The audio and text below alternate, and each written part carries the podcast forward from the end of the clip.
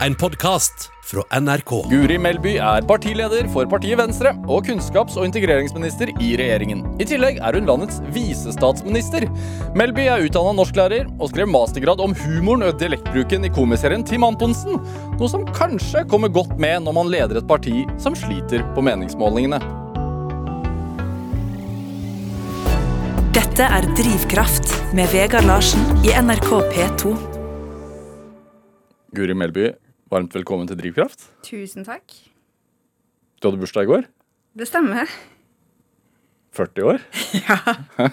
Nå er det ute der. Ja. Nå er det avslørt. Gratulerer med dagen. Jo, takk. Hvordan er det å feire 40? Du, dagen gikk over all forventning. Ja. Altså Med rådende smitteverntiltak i hovedstadsområdet så hadde jeg veldig lave forventninger.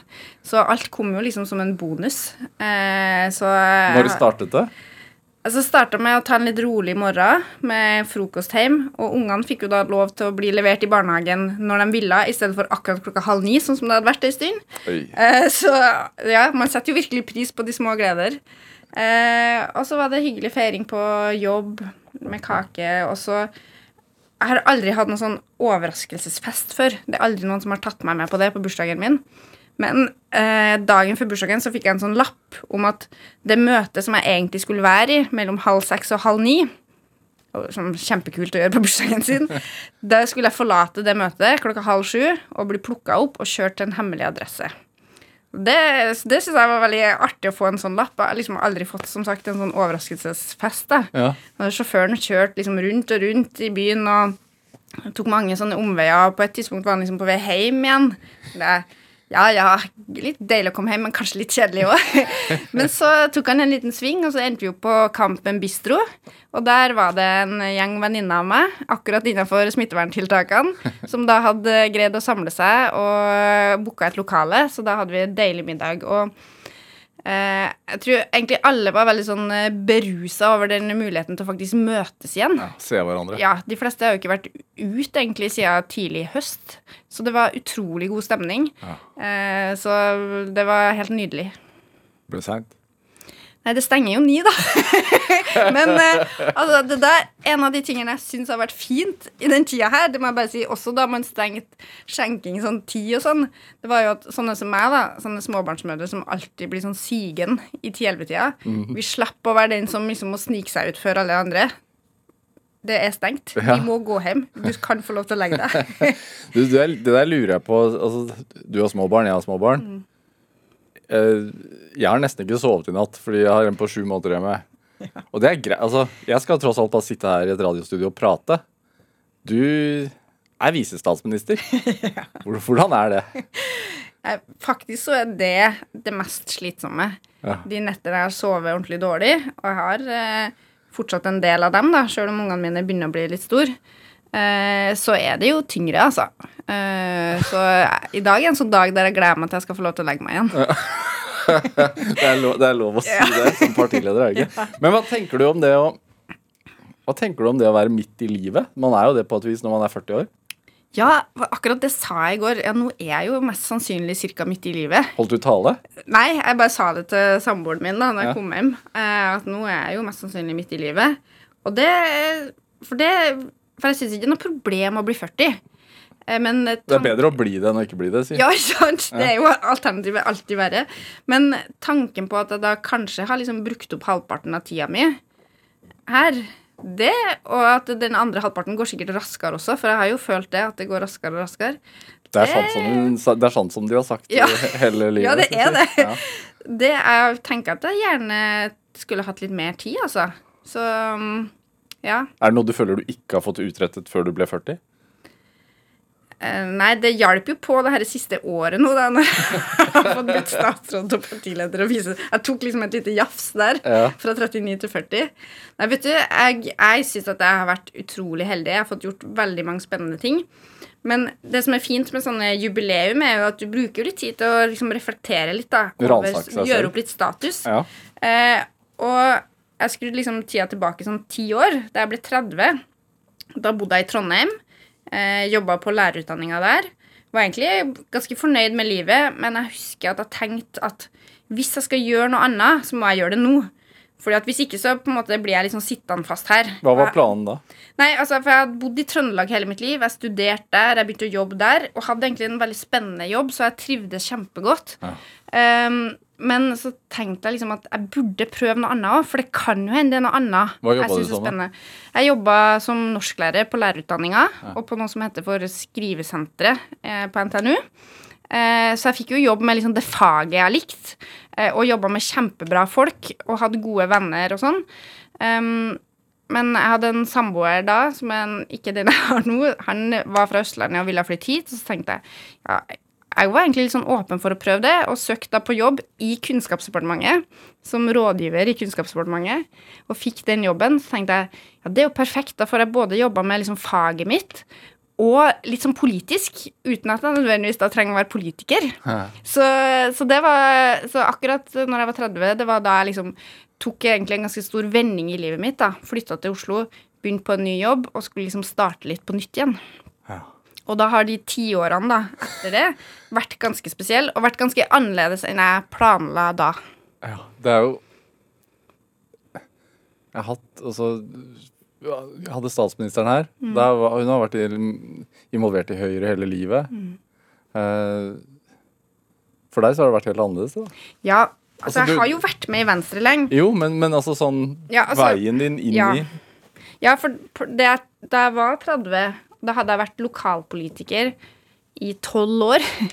Sittet liksom tre perioder i kommunestyret. Og sjøl om det er masse spennende med det, så er det også altså, Det er ikke mange 20-åringer som bruker liksom lange kvelder på møter på rådhuset, liksom. Så det var også Jeg var litt lei av det. Så jeg tenkte nok at når jeg skulle flytte til Oslo, så skulle jeg egentlig være ferdig med politikk.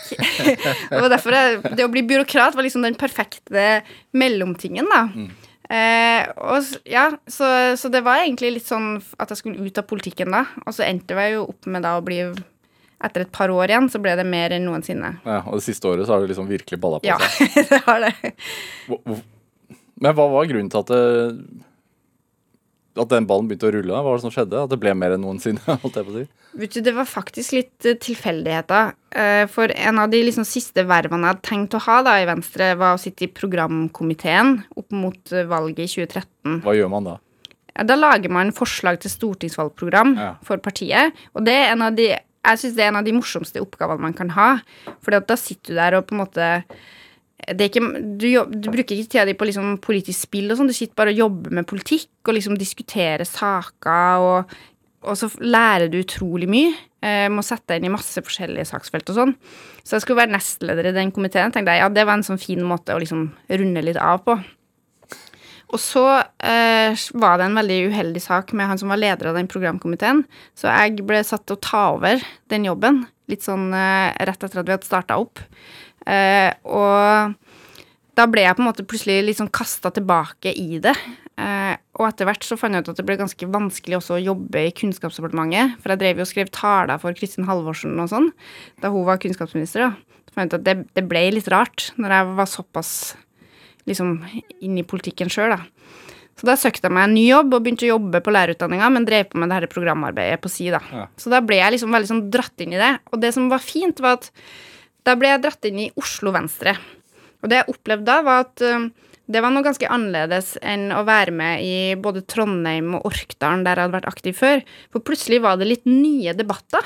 Plutselig var det litt andre ting man snakka om.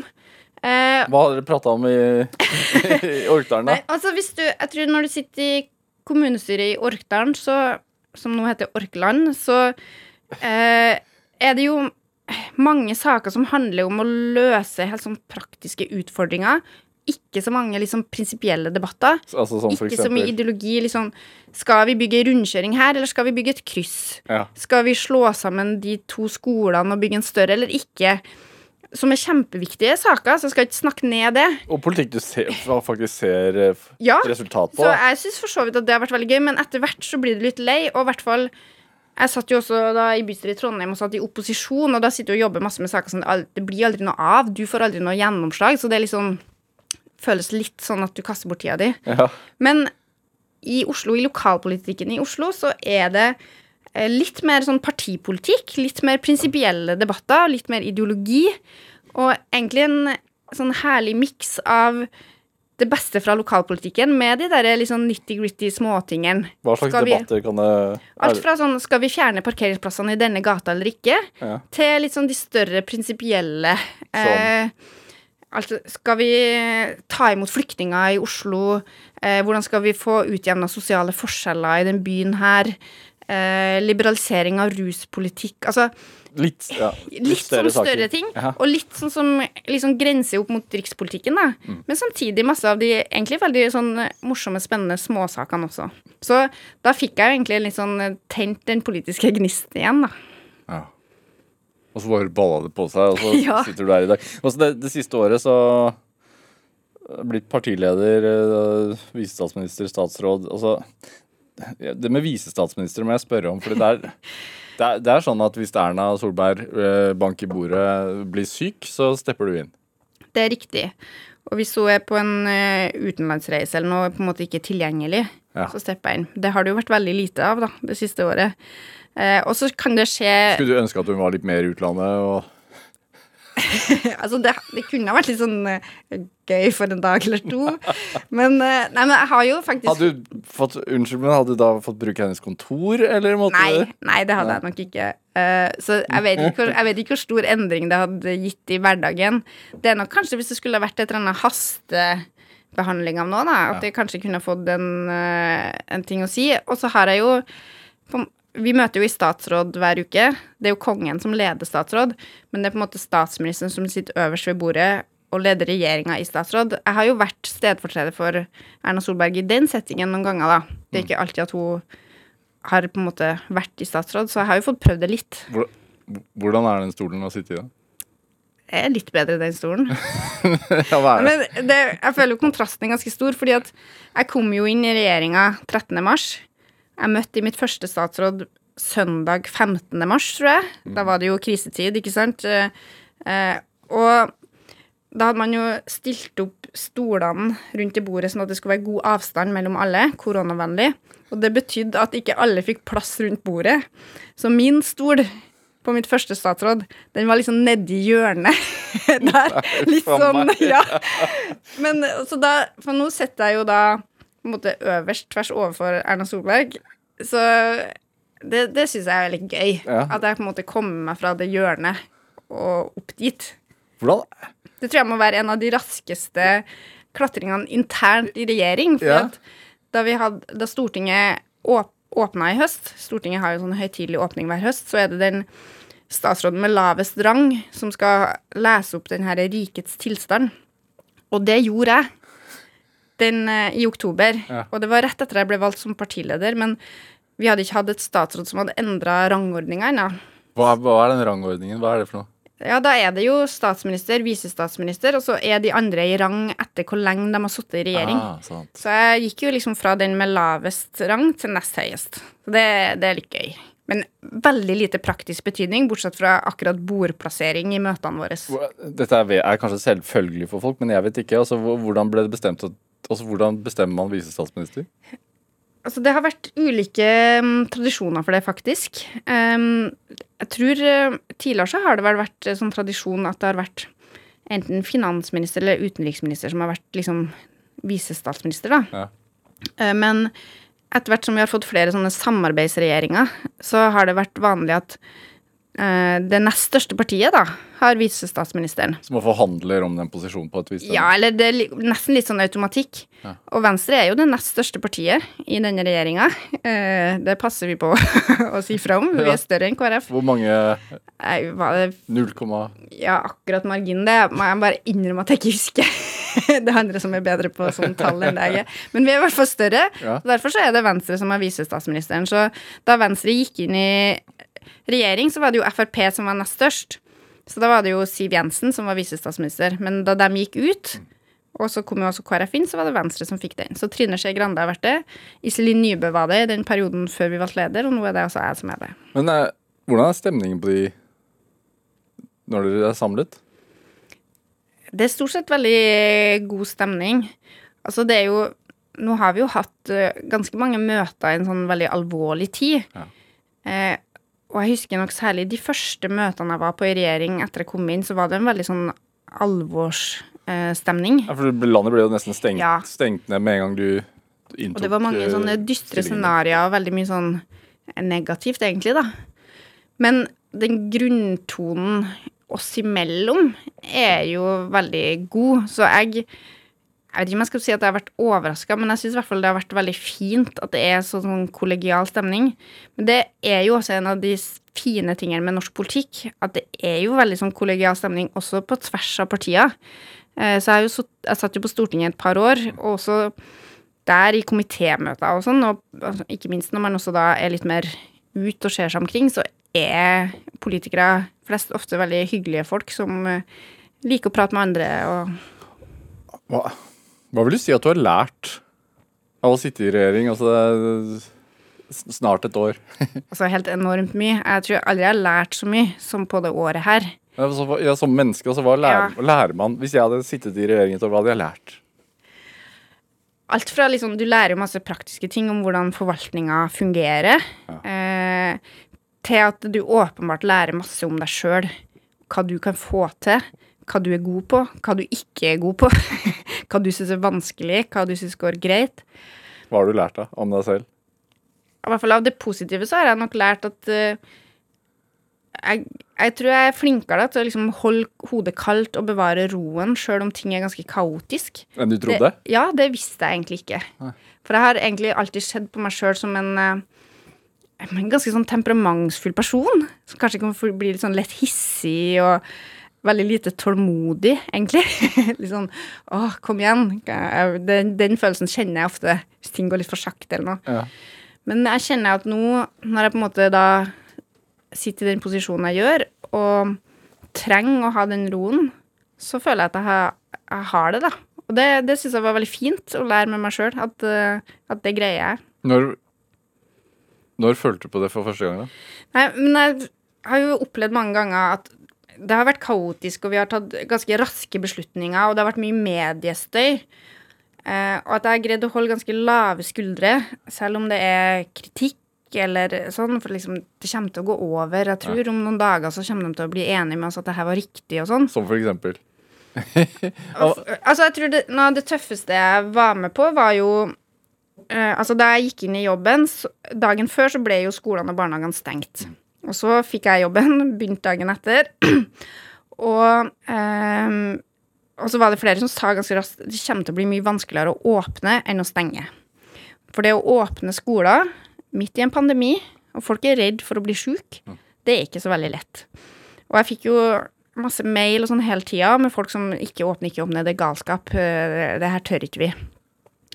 Um, men jeg var jo ganske bestemt ganske tidlig på at vi måtte få åpna snart. eh, For det her er ikke bra. Det har altfor store negative konsekvenser da, for barn og unge at vi ikke greier å holde skolene åpne. Så det, prisen er for høy. Vi er nødt til å få åpna. Um, og da, så det var jo en ganske sånn tøff kamp å ta det.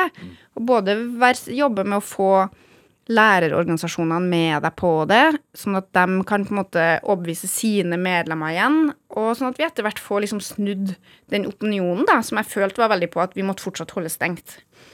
Um, og så da tok vi jo en beslutning rett før påske, husker jeg, på at det skulle åpne. Og fra den beslutninga ble tatt, og fram til vi faktisk åpna, så opplevde vi akkurat det, at opinionen snudde. Eh, Så ved å bare stå litt rolig, stå på ditt, og på en måte la tida virke litt, da, og argumentere for å på en måte ta det litt med ro, så gikk det liksom bra. Og jeg opplevde at Det her blir jo litt sånn anekdotisk, men fra at mailboksen min var liksom full fra meldinga om at det går ikke an å åpne, til at det var liksom Jo, nå må det virkelig åpne. Så folk liksom snudde den tida. Det kan godt hende at de hadde gjort det uavhengig av hva jeg gjorde, men det var i hvert fall den følelsen av at du må gjøre det du syns er rett, og liksom stå litt rolig i det, og bruke tid på å argumentere for det, så vil også veldig mange forstå det. Dette er Drivkraft med Vegard Larsen i NRK P2. Og i dag er eh, leder for Venstre, Guri Melby, her hos meg i Drivkraft på NRK NRK P2. Eh, du var så vidt innom det. altså eh, Orkdal, Orkland og sånn også, men du Hva heter det bygda du er fra? Ja, altså Jeg er jo født og oppvokst på Gjølme, i det som da het Orkdal kommune. Som ikke fins lenger. Nei, og det her, det her må jeg innrømme at jeg syns er litt vanskelig. Jeg, altså, jeg er jo språkmenneske, så det her er jo viktig for meg. Eh, men for noen år siden, kanskje tre-fire-fem år siden, så var det en het navnedebatt da, om bygda skulle hete Gjølme eller Råbygda. Og Hvorfor var, tror, kom den debatten? Nei, jeg tror det er basert Her tror jeg også litt sånn tilfeldigheter at um, sånn på 50-60-tallet så skjedde en del sånn strukturelle endringer. Man bygde f.eks. en ny skole, sammenslått av flere, og da ble liksom det navnet Gjølme brukt litt videre enn det egentlig skulle, sånn at det var noe som het Råbygda, som plutselig ble liksom en del av Gjølme. Og så ble det postkontor på Gjølme, og så ble det fotballbanen ble Gjølme stadion, så ble det liksom bare Gjølme. Eh, mens noen av de eldste har liksom identifisert seg med at det var Råbygda de var fra. Eh, men jeg er jo da vokst opp på Hjølme, jeg har gått på Hjølme skole, spilt fotball på Hjølme stadion. Så for meg så er det liksom Hjølme. Er dette, det, jeg føler dette er veldig norsk. Ja, for, kanskje enda verre i Trøndelag enn andre steder òg, jeg vet ikke helt. Jeg. Men i hvert fall så ble det en sånn navnestrid, og da var det jo eh, Det er noe med, som heter at de gamle er eldst, ikke det? Så da ble det liksom Råbygda som vant, da, i den navnestriden. Det var votering i kommunestyret og sånn. Men jeg tror min generasjon, i hvert fall jeg, og som også har flytta ut, da, så jeg har jo aldri bodd i Råbygda, på en måte. Jeg bodde jo på Hjølme. Så jeg syns det er litt vanskelig. Det er altså øh, og, det er jo da i- Orkdal, da, Mm. heller ikke finnes lenger. Nei, for det er jo en del av kommunesammenslåinga, Ja. som jeg jo må understreke at jeg er veldig for, så det syns jeg er bra. Ja. Eh, men da Bortsett fra Ja, for da endra jo navnet til Orkland. Ja, det liker du ikke.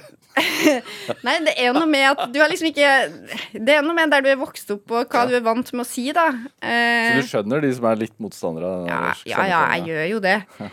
Men, eh, Men jeg bare så bare på de mest kjente stedene i Orkdal. Mm. Bare for å plassere Gjølme. Det er Kjøra, Geitstrand, Gjølme, Tamshavn, Fannrem, ja, Vormstad, Svorkmo og så Hoston. ja. Houston, som vi sier lokalt. Nei, Gjølme er jo da et av liksom tettstedene i Hvor den gamle Oslo. Jeg tror det er sånn 700-800 innbyggere. Da du vokste opp. Ja. Ja. Men så nevnte du jo andre steder som Kjøra, Geitastranda. Eh, og den skolen jeg gikk på, Mm. det jeg tror det er den minste skolen, i gamle Orkdal i hvert fall, men med den største skolekretsen. Det var litt artig, for det var mange unger samla fra bygdene rundt omkring. da. Eksempel Geitastranda og Kjøra. Og også noe som heter Gangåsen og Songlia. Hva- Så mange sånne småskoler ut? som har blitt lagt ned, da, og så ble det Gjølme skole. Det her er sånn typisk eh, eh, Ja, her er det jo mye landbruk, da. Eh, så, og Gjølme er en sånn blanding av industri og landbruksbygd, egentlig. Det ligger en stor fabrikk der. Da jeg vokste opp, så het den uh, Exolon. Nå heter det vel Washington Mills, tror jeg. Kjøpt opp av amerikanske eiere. Så uh, veldig mange som bor der, jobba jo på den fabrikken. Hva lagde de der? Uh, oh, det var veldig skuffende alltid når vi skulle på besøk på den fabrikken, for vi fantaserte jo om hva de lagde, om det var liksom leker eller andre ting. Men det er et eller annet sånn eh, eh, svovel, sånn støv, da, som brukes eksempel i eh, oh, hva heter det for noe? Sånn solcellepanel og sånn. Veldig viktig Ja. stoff da, for å produsere andre ting. Men eh, akkurat det ser ikke så spennende ut, liksom det støvet der. Eh, og det var også masse forurensning fra den fabrikken som gjorde at du ikke kunne henge opp tøy ut til tørk, f.eks., uten at det ble Oi. svart. Ja, er den der ennå? Den er der ennå, men nå er den veldig mye renere. Eh, Det har jo heldigvis skjedd veldig mye positivt i miljøpolitikken, som jo er en av eh, de viktigste grunnene til at jeg også er med i Venstre og er politiker. Um, og fra at eh, Altså både um, Tamsan var jo også en sånn stor industribedrift som bidro til mye forurensning. Og folk liksom aksepterte, for det var viktige arbeidsplasser. Men etter hvert så begynte man kanskje også da å stille krav. Eh, jeg gikk jo på barnehage, husker jeg, rett ved denne fabrikken. Så det var vel litt sånn regel at du ikke spis den svarte snøen. du må holde deg unna den. Ja. Så det, man, det påvirka lokalsamfunnet, rett og slett? Ja. Ja. Men eh, som sagt, jeg tror eh, På den tida så tror jeg nok mange liksom likevel så på denne industrien som noe positivt. Så selv om det både bidro til luftforurensning, klimagassutslipp, og også til å bygge ned en del friluftsområder, eh, så var det likevel det var arbeidsplasser, dermed var det velferd, og dermed så var det noe som var positivt. Ja. Tror, du at, tror du at det har påvirka ditt miljøengasjement? Ja, det tror jeg absolutt. Eh, for meg så var det noe av det aller viktigste eh, da jeg var ungdom. Og jeg husker også som barn på 80-tallet, da man først egentlig starta å snakke om sånn klimaendringer og sånn, så var det noe jeg var veldig bekymra over. Jeg kunne ligge liksom våken på kveldene og tenke på det. Um, uh, og da jeg også endte opp liksom på et tidspunkt der jeg da skulle velge meg parti, så var det miljø var liksom det jeg så aller, aller mest etter. Var det da regnskogen og sånn man pratet om den gang, eller hva var det Det var mye sånn, sånn type forurensning, både i luft og andre ting. Og så var det jo mm, slam og gift i elvene og sånne ting? ozonlaget, ikke sant? Eh, Hølet i ozonlaget. Det som jeg syns er litt sånn fint, egentlig, med å se tilbake på det, er at en del av de miljøproblemene vi snakka om da, dem har vi faktisk greid å løse. Og det gir meg en sånn optimisme i den her klimakampen også framover. Som ozonlaget, for eksempel? da, eller? Ja, ikke sant? Det er jo ingen som snakker om det hølet i ozonlaget lenger. Eh, det, ikke, det betyr ikke at vi har på en måte fiksa alt og vi kan bare lene oss tilbake. Men vi fikk jo masse regler og lover som sørga for at vi stoppa med de gassene som ødela det her ozonlaget. Så vi har jo vist at vi har greid å løse ganske store utfordringer før. Denne utfordringa med klimaet er nok veldig mye større enn de andre. Men jeg har jo fortsatt trua på at vi kan greie å løse den type problemer. da. Tenker du at, man, at vi nesten må det? Må ha trua? Ja, for altså Jeg tenker at hvis du ikke har trua, så kan du jo på en måte liksom gi opp òg, da. Sånn at hvis du først holder på med det her, så må du nesten ha trua òg. Alternativet er i hvert fall veldig mye verre. Er det Hvem var du, da? Hvem var Guri Melby som ung? Som barn. Ja. Var du bekymra Du sa du nevnte du var bekymra for miljøet. Ja, jeg kunne nok eh, være ganske bekymra, men jeg var nok Jeg vil ikke si at det liksom Jeg tror ikke det dominerte liksom lynnet mitt. Jeg tror nok jeg ble oppfatta som en ganske sånn positiv og glad unge, egentlig. Hva drev moren og faren din med, da? Um, mamma var hjemmeværende de første årene da jeg vokste opp. Uh, da jeg var sånn ni-ti år, så begynte hun å jobbe da, på den skolen jeg gikk på Jølme skole. Og så har faren min alltid jobba i bank. Først i noe som het Forretningsbanken, som ble Fokusbank. Og så de siste årene i Ortdal Sparebank. Hvordan var prega liksom, samtalen hjemme hos dere? Var det, et, var det et hjem som man kan forstå har fostret en politiker, eller var det Litt både òg, tenker jeg. Fordi at det er jo ingen i min familie, verken i den kjernefamilien eller egentlig av verken besteforeldre eller tanter og onkler som har vært noe sånn politisk aktiv. Jeg kan ikke huske at det ble snakka sånn veldig direkte om politiske partier eller sånne ting.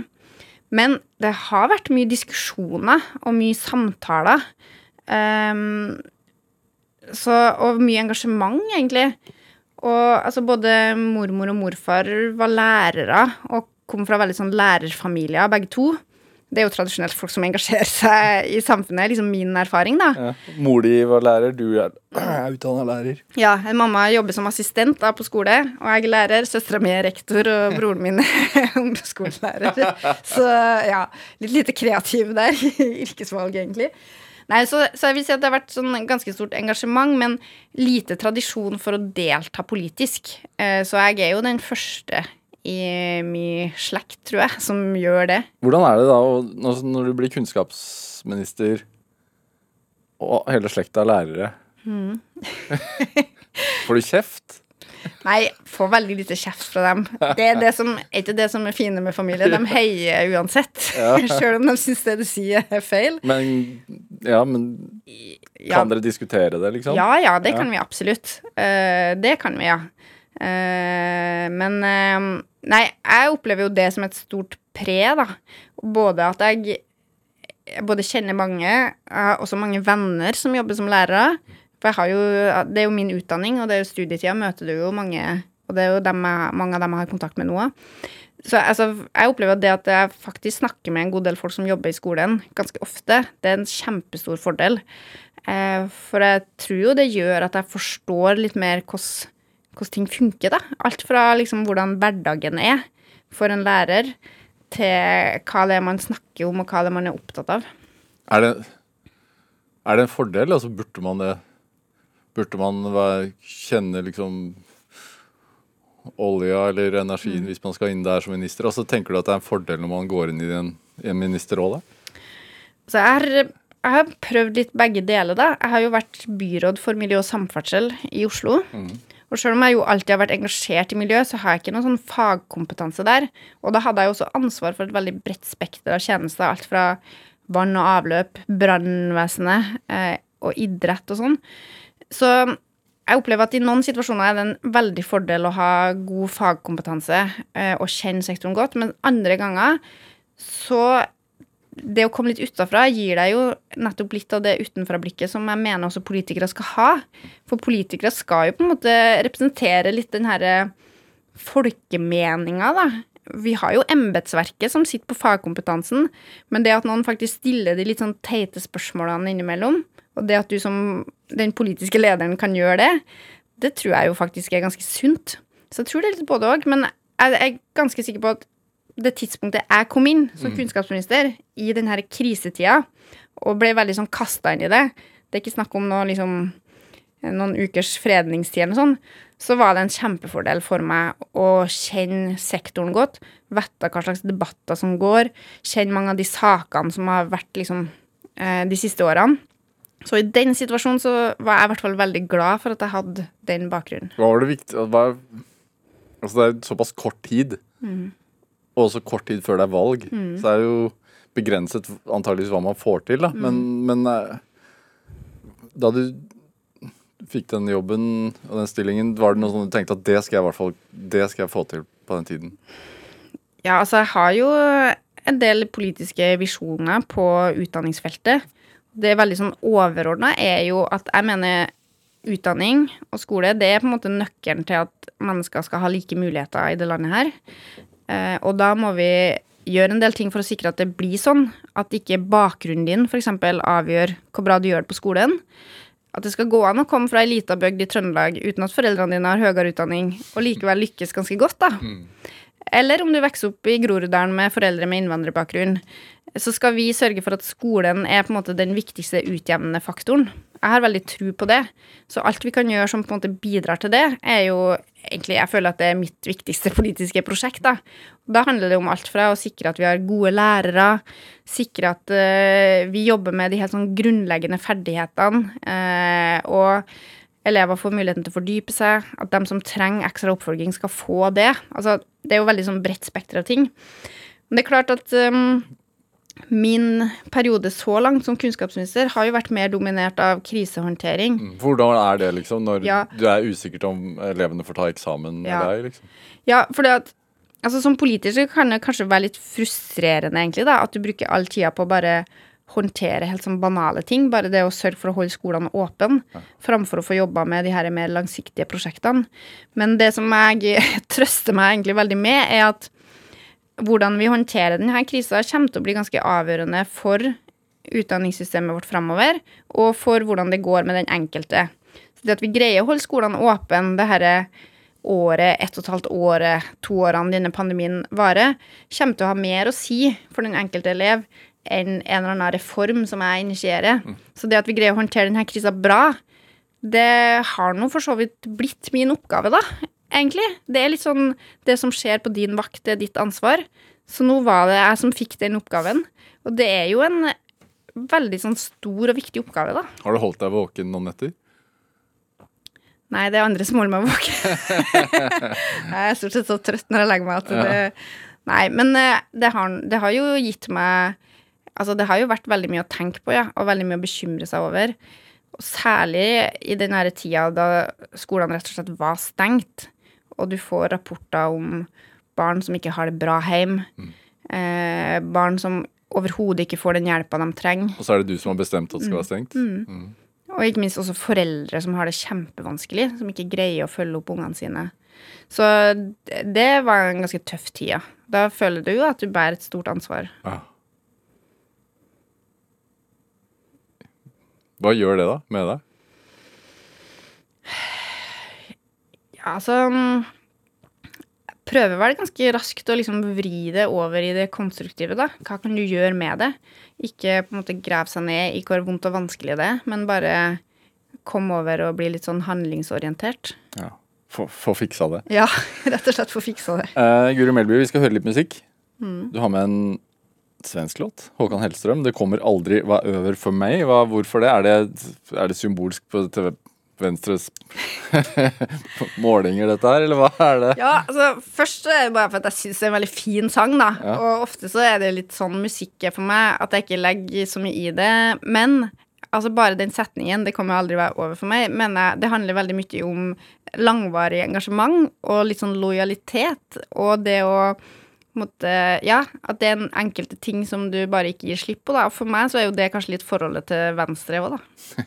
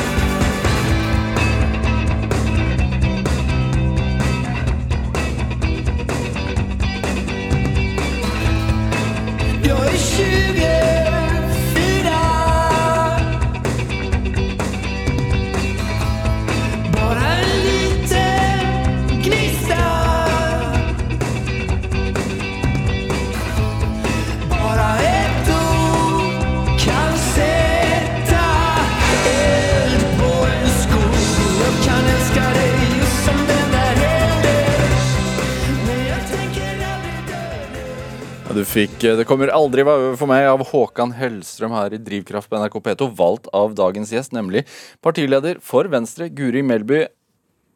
Altså, du, du nevnte noe med det at, eh, at du har lyst til å ha en skole hvor bakgrunnen og sånn ikke er så vesentlig. At det skal være like lett å gjøre det bra på skolen selv om du kommer fra en liten bygd i Trøndelag f.eks., eller fra Groruddalen. Eh, hvordan er det i politikken? Altså, for jeg har hatt eh, I denne eh, pa- partilederstafetten som vi har her i Drivkraft nå, så har jeg hatt eh, Erna Solberg, som er jo fra eh, en litt finere del av Bergen.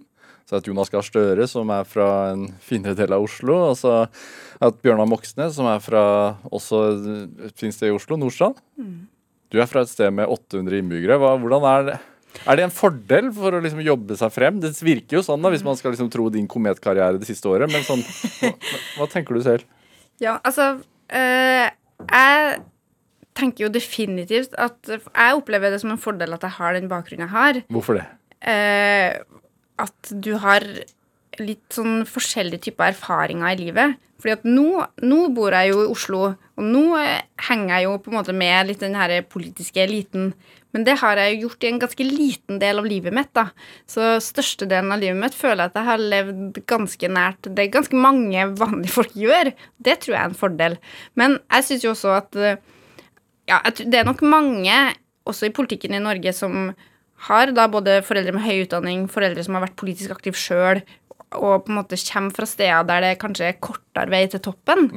Men vi bor nå likevel i et land der det er mulig da, å få makt og innflytelse og posisjoner, sjøl om du ikke har foreldre som har det, sjøl om du ikke kommer fra en familie som er rik, eh, og sjøl om du ikke kommer fra et sted som er liksom midt i Oslo-gryta.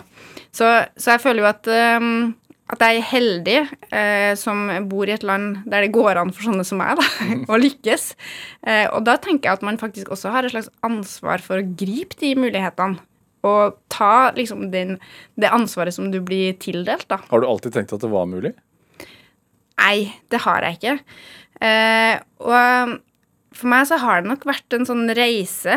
Altså, jeg husker da jeg begynte å studere på universitetet, så hadde jeg akkurat den der følelsen av at det, det, var, det er jo litt sånn i Norge at ja, det er mange som begynner å studere, men det er flere av dem som har foreldre med høy utdanning, som studerer. Og jeg husker at etter hvert liksom, som vi begynte å komme litt langt oppi og skulle begynne på sånn mastergrad, sånn, det tenkte jeg veldig lenge, det var ikke noe for meg. Hvorfor det?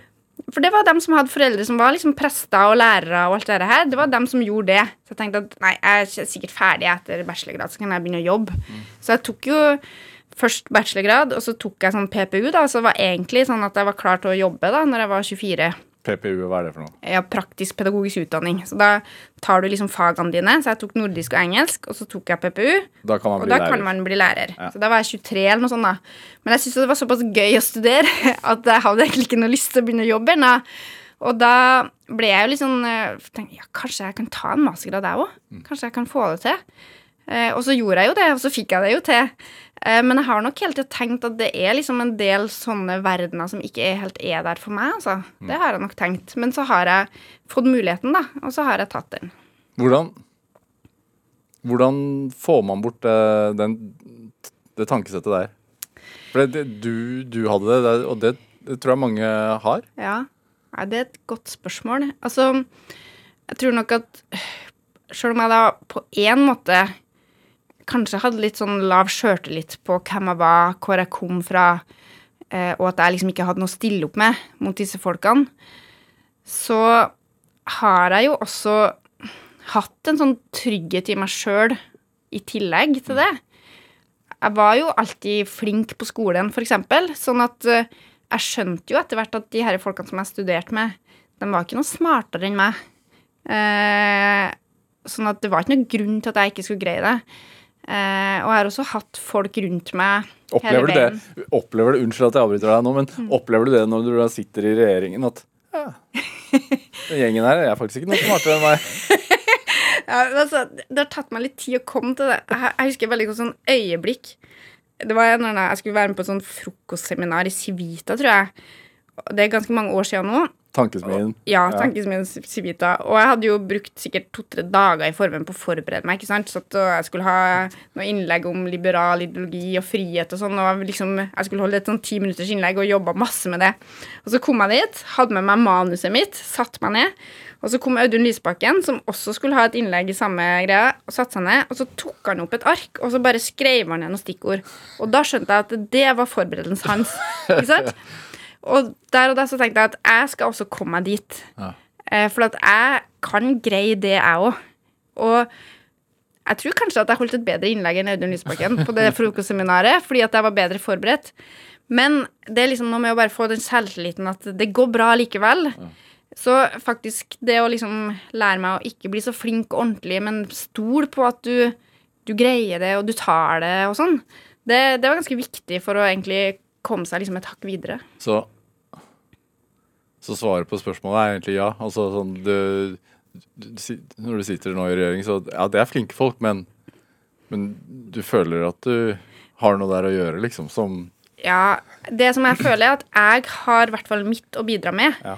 Men det er masse saker der som jeg f.eks. ikke kjenner til så godt fra før. Altså, Erna Solberg som er statsminister jeg vet, jeg vet ikke hvor mange perioder hun satt på Stortinget før hun ble statsminister, men altså, hun har jo en utrolig kjennskap til så mange forskjellige saksfelt. Hun har jobba med saker før. Det sier jo ofte sånn Ja, nei, den der saken var vi borti da jeg satt i komiteen da og da, ikke sant? hukommelse. Ja. Ja. Og sånn at jeg har jo ikke noe sjanse til å matche hun på det. Men jeg kan jo bidra med mine ting. Jeg vet jo bedre hvordan da skolen fungerer. Jeg vet mer om hvordan lokalpolitikken fungerer. Så jeg kan jo bidra med mine perspektiv. Så jeg har nok fått mer sjøltillit på at ja, jeg kan ikke alt, men mine perspektiv er også verdifulle. Ja, er det altså, vi, vi snakket tidligere her om at uh, du for ti år siden eh, egentlig ikke hadde tenkt å velge deg en retning innenfor politikken i det hele tatt, og så har det virkelig blitt sånn. Hva, hva er det med liksom Hva tenker du er med sosialliberalisme og kjerneverdiene i Venstre? Og hva er det som er Hvorfor er det verdt for deg å kjempe for så hardt, liksom? Altså, jeg har no, altså de kjerneverdiene, det her liberale grunnsynet, Ja. det har nok alltid vært i meg. Og det hadde kommet til å vært i meg uansett om jeg hadde vært politiker eller Kommer det hjemmefra, eller hvor kommer det fra, Ja, tror du? kanskje. Altså, for, for meg så handler det om en, en, en, en Hva er sånn- kjerneverdiene i Venstre, hva tenker du? Det at folk får, skal få lov til å leve livene sine mest mulig sånn som de vil sjøl. Og så blanda med en veldig sånn sterk rettferdighetssans, tenker jeg. Og noe av det tror jeg kanskje kommer alt fra at jeg er i midten i en søskenflokk på tre. det er sånn klassisk. Alt skal deles likt. Men- Men, men og jeg har alltid kjent et sånt opprør eh, når jeg opplever at folk blir, ha- blir behandla urettferdig. Husker en sånn eh, særoppgave jeg jobba med om folk som var på dødsstraff, som liksom åpenbart var uskyldige og sånn. Det var sånn som jeg engasjerte meg veldig sterkt i. Eller det at eh, eh, altså Da jeg var ung, da på 80-90-tallet, så var det jo fortsatt veldig sånn eh, Veldig få som eh, var synlig homofil, og det var veldig mye sånn kamp om de rettighetene der. Og det var også sånn som jeg engasjerte meg veldig sterkt i. Det at folk skal få de samme mulighetene uavhengig av sånne ting. Og at vi må akseptere at folk er forskjellige. Ikke bare akseptere, men faktisk omfavne det. Det har alltid vært veldig viktig for meg. Men hvordan Hvordan skiller Venstre seg da fra det, de andre liberale partiene? Ja, i etter mitt skjønn så er vel Venstre det eneste liksom, ordentlige liberale partiet i norsk politikk, da. Um, men sånn er det jo Altså, avstandene er jo ikke enorm mellom partiene i Norge. Det er jo vel ingen partier i dag som, vil ville ha sagt at de var imot at homofile skal ha like rettigheter. Men det er jo likevel ikke så lenge siden vi fikk en ekteskapslov, da. Ikke sant? Sånn at um, men det er klart at det har skjedd mye, og jeg vil jo si at Norge er et relativt liberalt samfunn, da, faktisk, i dag. Så sånn sett så har jo mange av Venstres ideer og kamper fått gjennomslag. Også fordi at flere etter hvert har slutta seg til. Så mange av de tingene har kanskje vi vært først ut på.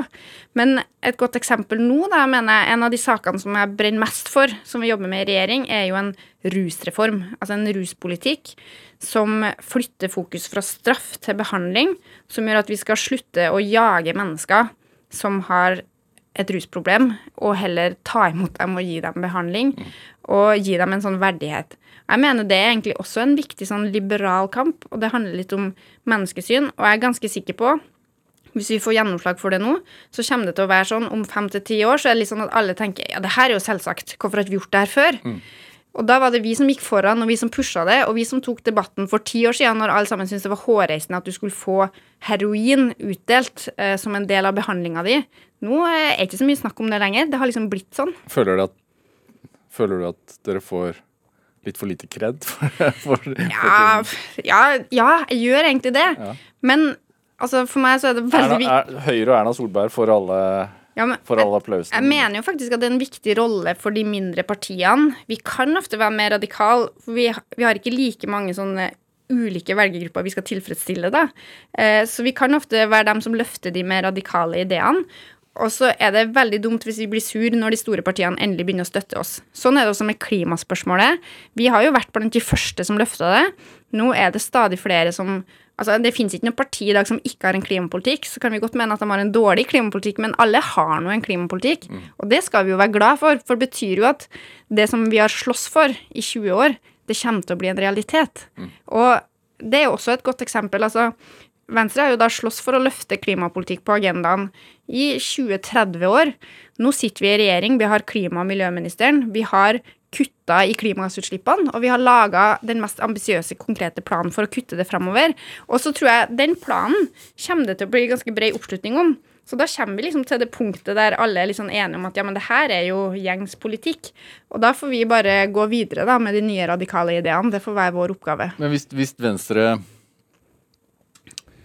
får rent flertall stortingsvalget nå, og også neste, hva, hvordan tenker du at Norge da ser ut om ti år?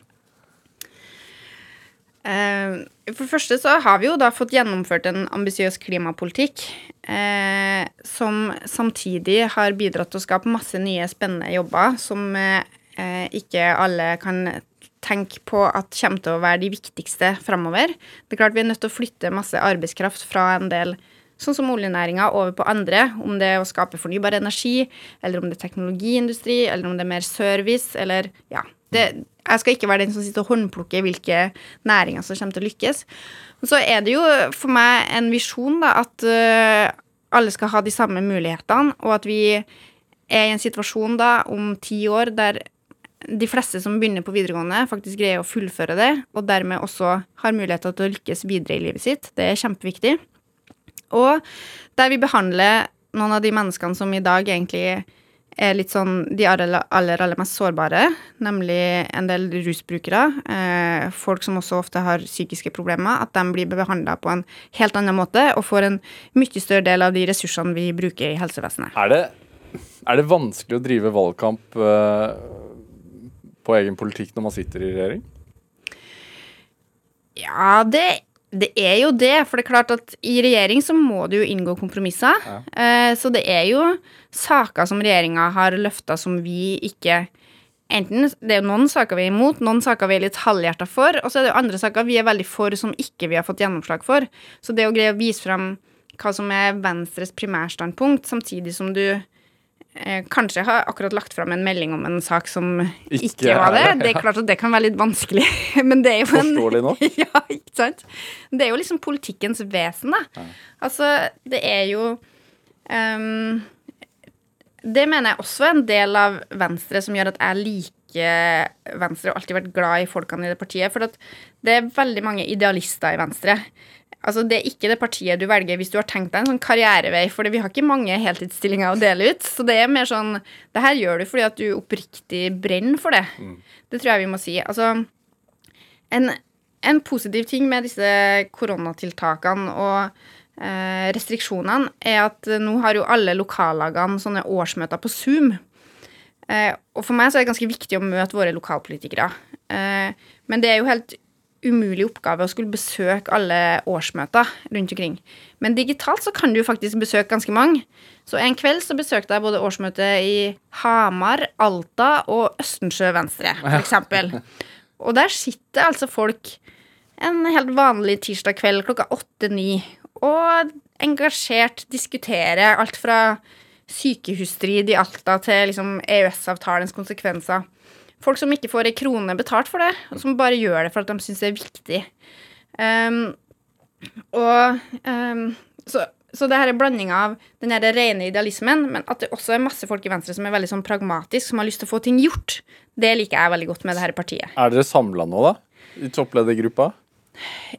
Ja, det opplever jeg virkelig at vi er. Eh, Hva, har, hvordan, hvordan var det der eh, rotteracet?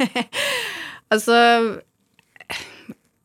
Det er jo ingen tvil om at det å ha en sånn kamp om posisjoner, det er jo noe av det vanskeligste. Det som gjør det vanskelig, er jo at det ofte er folk du liker kjempegodt, som du skal på en måte kjempe om de posisjonene med. For det er jo ikke sånn at um, det er jo ikke sånn at jeg mener at de andre som ønsker å være leder i Venstre, var uegna til å være leder. Eh, Men jeg tenkte bare at eh, jeg skulle også kaste mitt navn inn i den hatten. Kanskje noen, kanskje noen ville ha meg, liksom. Jeg skulle også stille meg til disposisjon. Men det betyr ikke at jeg syns det hadde vært et håpløst valg om noen av de andre hadde blitt leder. Og både Sveinung og Abid er jo liksom blant de politikerne jeg liker aller best, ikke sant? Eh, og har samarbeida masse med. Så derfor så blir det jo veldig rart når du plutselig skal kjempe om posisjoner. Men internt oss imellom Altså, vi møttes jo masse hele tida den perioden, så vi hadde det jo fint. Men det er klart at det, det er jo en veldig sånn rar greie, så det var veldig godt å bli ferdig med det. Det var ingen som var i 40-årslaget i går. Hva sa du? Det var ingen som var i 40-årslaget i går. Nei, men det hadde de vært hvis ikke hadde vært for koronarestriksjoner. Altså, det var ni damer eh, som, som var invitert som veldig engere krets. Men er det Dette spillet hvor, hvor du, Hvordan er det å spille? Er det et politisk spill? Altså sånn det maktspillet? Ja, det er det nok. Og det tror jeg man må bare erkjenne. Og så er det spørsmål hva definerer vi som liksom spill og ikke. Klart Som politiker så må du jo være litt sånn strategisk og taktisk for å få gjennomslag for ting. Når skjønte du det, da? Første gang? At, at du må være det. Ja. Nei, Det har jeg visst hele tida, men jeg må bare erkjenne at det er nok ikke min sterke side, det her spillet. For det første så er jeg altfor Har ikke pokeransikt. Så altfor sånn ærlig sjøl, tror jeg. Altfor rett fram. Og tenker nok også stort sett at andre folk er det. Og er litt for dårlig til å tenke på at noen kanskje har en sånn skjult agenda, og at de kanskje ikke sa det for at de mente det, nei. Det var kanskje fordi at det, de har tenkt å oppnå noe. Ja. Det her har nok lært meg Det er en av de tingene jeg har lært da, det siste året.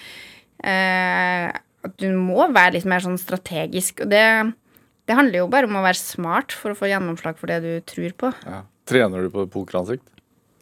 Nei, det har jeg gitt opp. Det har jeg gitt opp.